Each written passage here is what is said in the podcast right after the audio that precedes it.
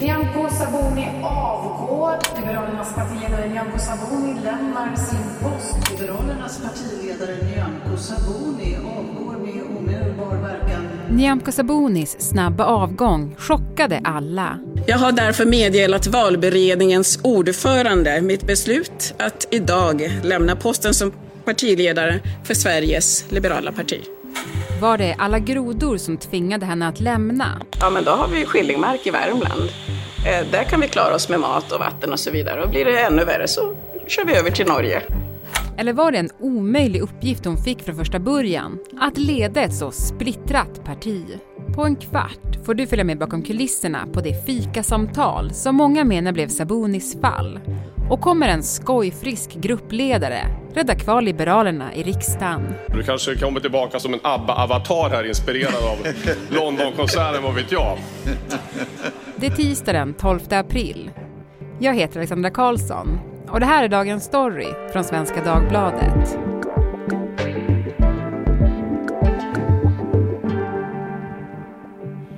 Per Karlsson, politikreporter här på Svenska Dagbladet. Liberalernas partiledare Nyamko Sabuni meddelade i fredags att hon avgår bara fem månader innan valet i höst. Du, eh, jag hade varit med min hund hos veterinären i fredags och satt eh, hemma med honom i soffan och gullade med honom när jag såg den här pushen att Nyamko Sabuni skulle avgå. Och jag blev helt chockad. Vad tänkte du? Jag blev också chockad. Jag var på väg och skulle äta lunch med min kollega. Vi stod i lunchkön och eh, min chef ringer. Och det blev ingen lunch, det blev liksom en springa tillbaka till redaktionen, det blev en, en, eh, en lunch i plastlåda och en Red Bull blev det. Och sen var det åka av. Så jag blev jätte, jätteförvånad också. Mm. Jag, hör, jag, såg också vår kollega Maggie skriva på Twitter att hon hade sprungit till riksdagen för att försöka få en enskild intervju med Nyamko Sabuni. Men hon gav ju inga enskilda intervjuer. Precis, men det var en bra rush för oss, för, för oss alla. men du Per, eh, det här var oväntat eller? Ja det var det, gud ja. Det, um, att partiledare avgår så nära in på ett val är väldigt ovanligt. Och var man än, alltså att Nyamko Sabuni hade problem var ju inget nytt så, men att hon skulle avgå så här nära in på valet var ju, det var ju ingen som var förberedd på det. Som jag sa där då så, så höll hon ju den här presskonferensen och sen gick hon utan att svara på några journalisters frågor. Så jag får fråga dig då Per, varför avgick hon? Exakt vad som ligger bakom kommer ju nog klarna kommande tiden. Men det är väl två spår. Det ena är väl att eh, det går väldigt dåligt för Liberalerna och henne. Det är liksom eh, utlovade lyftet som hon har pratat om och de som, eh, hennes, hennes fans det har ju aldrig kommit eh, egentligen. Och nu i senaste mätningen som Svenska Dagbladet och SIFO har, då hade Liberalerna 2,4 procent, vilket är super, super lågt. Så att det är väl det ena, att det går väldigt dåligt. Det andra är väl att, eh, som, som en del pratar om, är ju att de interna kritikerna som inte ville se henne vald, eh, som inte gillar den inriktning hon har, hon har liksom lett in partiet på, de har aldrig gett henne chansen. Men jag tror att hade hon eh, ska man säga, hade det börjat gå bättre för partiet, då hade den kritiken tystnat. För att går det bra för ett parti, då kan partiledaren göra lite mer som, som han eller hon vill. Mm. Eh, så att om det är siffrorna eller om det är kritiken, det, det, hänger ihop. Det går inte att säga att det är det ena eller det andra skulle jag säga. Mm. Men det många eh, började spekulera kring var droppen, det var ju det här eh, uttalandet som Nyamko Sabuni gjorde i en intervju om att, att hon skulle åka till Norge ifall det blev krig här i Sverige. Var det det? Alltså du från, från, om du pratar med hennes kritiker så säger de att det här var ett typexempel på varför hon är eh, ja, en dåligt, eh, dåligt skickad partiledare. Och de menar väl då att det blev droppen av hennes dålighet då.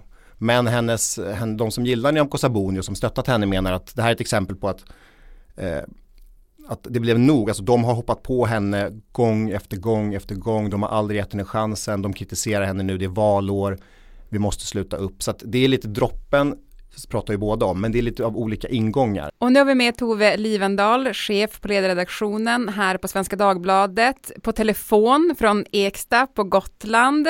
Hallå! Hej, god morgon.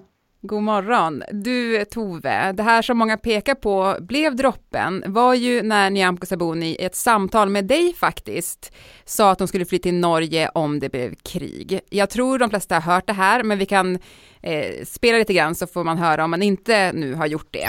I kris och krig så klarar man sig bättre på landsbygden. Den tror jag är ganska påtaglig nu. Jag själv har tänkt, jag hade så här nätverk, tjejnätverk här i helgen som jag träffade och då var det en kvinna som beskrev, ja ah, men så har jag ju en släkting på västkusten och det är nära Norge. Om det blir krig så åker jag till landet, blir det värre så åker jag till Norge, de är medlemmar i NATO. Jag har själv tänkt precis samma sak. Ja men då har vi Skillingmark i Värmland. Eh, där kan vi klara oss med mat och vatten och så vidare. Och blir det ännu värre så kör vi över till Norge. Ja, men det här var ju ett samtal på Liberalernas egna YouTube-kanal. Berätta, vad, vad, var bakgrunden till det här samtalet? Bakgrunden var att jag fick en fråga om jag ville hålla ett eh, samtal med Ulf Kristersson och Nyamko Sabuni i samband med partiets riksmöte. Och eh, eh det skulle vara ett lite mer sådär avspänt kaffesamtal. Och jag funderade lite grann och eh, sa att jag kunde tänka mig att göra det under förutsättning att jag fick helt och hållet bestämma frågorna. Jag är inte intresserad av att höra några valtal eller vara torgmötesmatchare. Men däremot så finns det ett antal frågor som jag frustrerat tycker att partiledarna borde prata mer om, nämligen vad som ska komma sen, vart de vill ta med Sverige.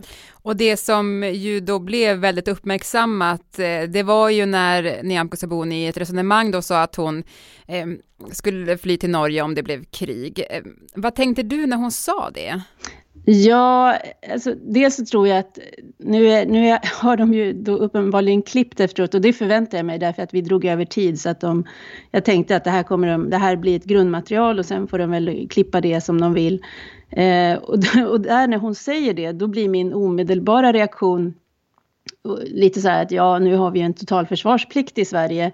Eh, och det hade de klippt bort, men de hade då inte klippt bort det Nyamko sa och hade jag varit kommunikatör för det partiet så hade jag sagt att det här blir inte så bra. Du, tack så jättemycket Tove att vi fick ringa dig. Nu ska du få fortsätta vara ledig. Tack ska ni ha. En sak jag tänkte på Per, eh, som hon sa under sin pressträff i fredags då, eh, när hon berättade att hon skulle eh, avgå, så sa hon ju att hennes resa nu fortsätter och att hon hade två förhoppningar. Eh, en var ju då att Sverige får ett maktskifte efter valet i höst. Men sen sa hon så här. Och att Liberalernas tredje kvinna som ordförande, vem det än blir, när hon än tillträder, får chansen att prövas i allmänna val. Eh, jag tolkar det både som ett, som ett faktum om att Nyamko Sabuni är den andra liberala partiledaren som då inte får pröva sitt val. Maria Leissner var det förra gången. Och man ska, om, lyssnade man noga i fredags så, så lät Nyamko Sabuni i en del av sitt eh, ja, anförande som Anna Kinberg Batra som ju fick gå eh, moderat, den dåvarande moderatledaren som fick gå utan att prövas i ett val eh, för några år sedan. Och det är ju två kvinnliga partiledare som har genomfört liksom, kontroversiella positionsförflyttningar eh, i sina partier, då rörande Sverigedemokraterna handlar om. Men som sen inte har fått liksom, pröva det här i ett val. Och eh, när det gäller Anna Kinberg Batra så har ju då hennes efterträdare Ulf Kristersson, han har ju inte ändrat den linjen, han har liksom fortsatt på hennes arbete. Och nu får vi se eh, hur det går inom eh, Liberalerna, Johan Persson, men han har ju inga planer heller på att ändra någonting. Så att de har liksom gjort skitgörat då, eh, eller hur man ska uttrycka det. Men det är någon annan som får, får eh, eh njuta frukterna av det så. I januari 2019 ska Liberalerna välja ny partiledare efter Jan Björklund. Med jämna mellanrum så bör ett parti, tänker jag, precis som vilket företag som helst, få en, nya vindar som blåser, nya kvastar som sopar för att utvecklas framåt. Det står mellan tre kandidater. De tidigare integrationsministrarna Nyamko Sabuni och Erik Ullenhag och partiets gruppledare i riksdagen Johan Persson. Liberalerna har just lämnat alliansen och ingått januariavtalet. Och partiet är splittrat i vilken väg man egentligen ska välja. Gå tillbaka till borgerligheten vilket också innebär ett närmande till Sverigedemokraterna. Eller ha en linje att inte ge Sverigedemokraterna inflytande. Erik Ullenhag står för en socialliberal inriktning med en tydlig gräns mot SD. Jag tycker det är en dålig idé att bygga regeringsmakt på ett parti vars värderingar ligger väldigt långt ifrån våra.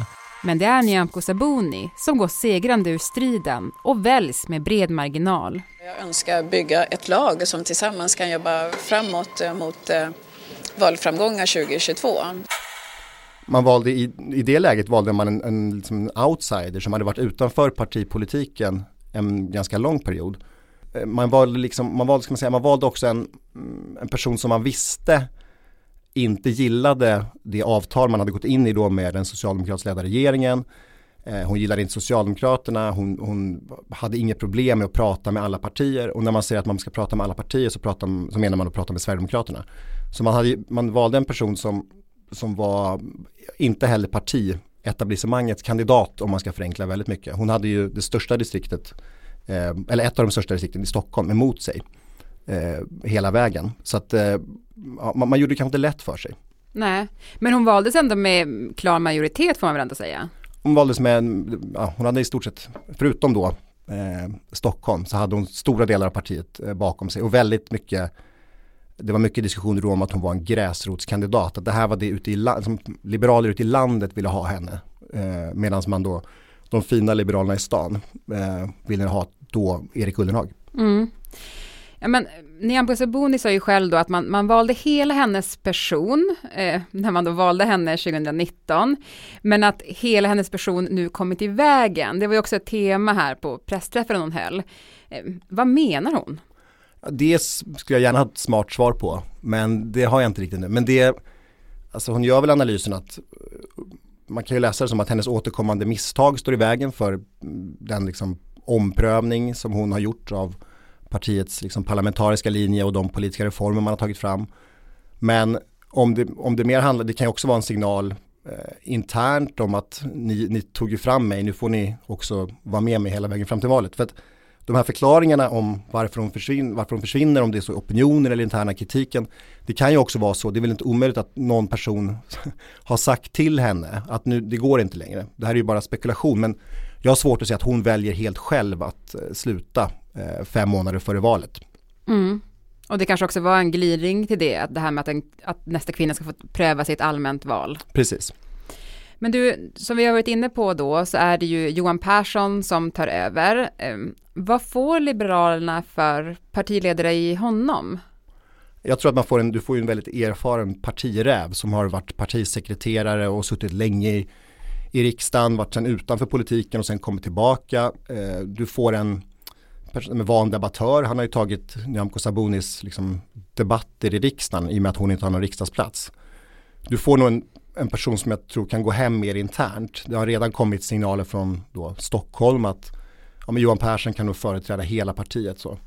Sen tror jag inte att man får någon, man får ingen superkändis så. Han är, Johan Persson är väl känd för, för alla liberaler och för, för många av oss som följer politiken. Men han ska ju med, med kort tid kvar till valet också nå ut till folk och det är väl hans stora utmaning för han har ju inte signalerat någon eh, annan politisk linje än den Nyamko Sabuni har lagt fram tidigare. Mm.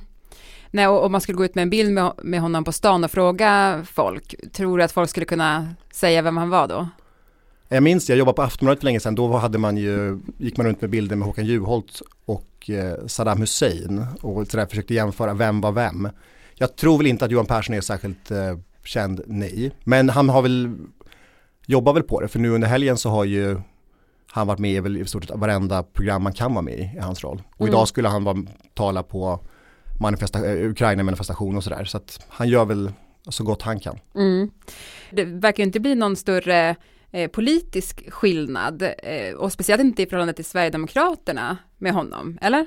Nej, det är samma linje som gäller. Han har ju varit med eh, Nyamko Sabuni hela vägen varit en av hennes närmsta förtrogna. Sen så kanske man har glömt bort men han var ju faktiskt en av kandidaterna när hon valdes. Det stod ju mellan Nyamko Sabuni och Erik Ullenhag och sen så var Johan Persson med eh, som en tredje kandidat som ingen riktigt då trodde skulle vinna såklart. Det gjorde han inte heller. Men han var med liksom, han spred glad stämning på de här debatterna.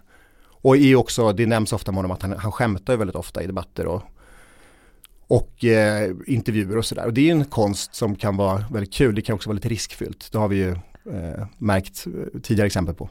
Mm. Ja, det, precis, det är alltid en hårfin gräns när det gäller skämt i politik. Gud ja. Men du, eh, alltså kommer det räcka för Liberalerna att, att, bara byta partiledare eller behöver de göra fler förändringar inför valet? Du sa att de ligger på 2,4 procent nu. Det är ju långt under riksdagsspärren. Ja, det är jättelångt. De har ett jättesvårt läge. De behöver desperat eh, stödröster. Alltså de behöver hjälp för att klara spärren. De klarar inte det eh, själv. Men det är klart, det finns ju också ett intresse för om man sätter in den här avgången i ett större perspektiv så behöver ju Ulf Kristersson behöver ju de liberala mandaten i riksdagen för att få till ett maktskifte. Så att det finns ju fortfarande ett starkt intresse från Moderaterna att det ska gå bra för Liberalerna. Så att Ulf Kristersson behöver ju omgående ha såklart samtal med Johan Persson också och kanske åka ut på gemensamma besök med honom, visa att det här är liksom det här är vår snubbe, han är på vårt lag, han också. Mm. Ja, Johan Persson ska ju nu då rädda kvar Liberalerna i riksdagen. Det är ju hans jobb här framöver. Kommer han göra det? Han sa ju själv i helgen att det har varit väldigt svårt för väljarna att, att så här, partiet har liksom flippfloppat. Nu ska vi vara med sossarna, nu ska vi vara med Kristersson. Men att han nu då ska föra fram liksom partiet som en tydlig, tydlig eh, borgerlig röst som ska vara med och då byta ut den socialdemokratiska regeringen. Om man lyckas eller inte, ja det blir nog jättesvårt men det är ju, val har ju en förmåga att avgöras på slutet och flera, ska man låta smart kan man ju dra exempel med Tyskland och Norge och så, det har skett jättestora förflyttningar i slutet av valrörelsen. Men jag menar Liberalerna har ju legat superlågt i opinionen superlänge så att det är ett tufft utgångsläge. Mm, men det är spännande att vara politikreporter. Ja, men man får inte äta lunch i fred. Nej, det är väl det då. Du, tack så jättemycket Per för att du var med i Dagens Story. Tack så mycket.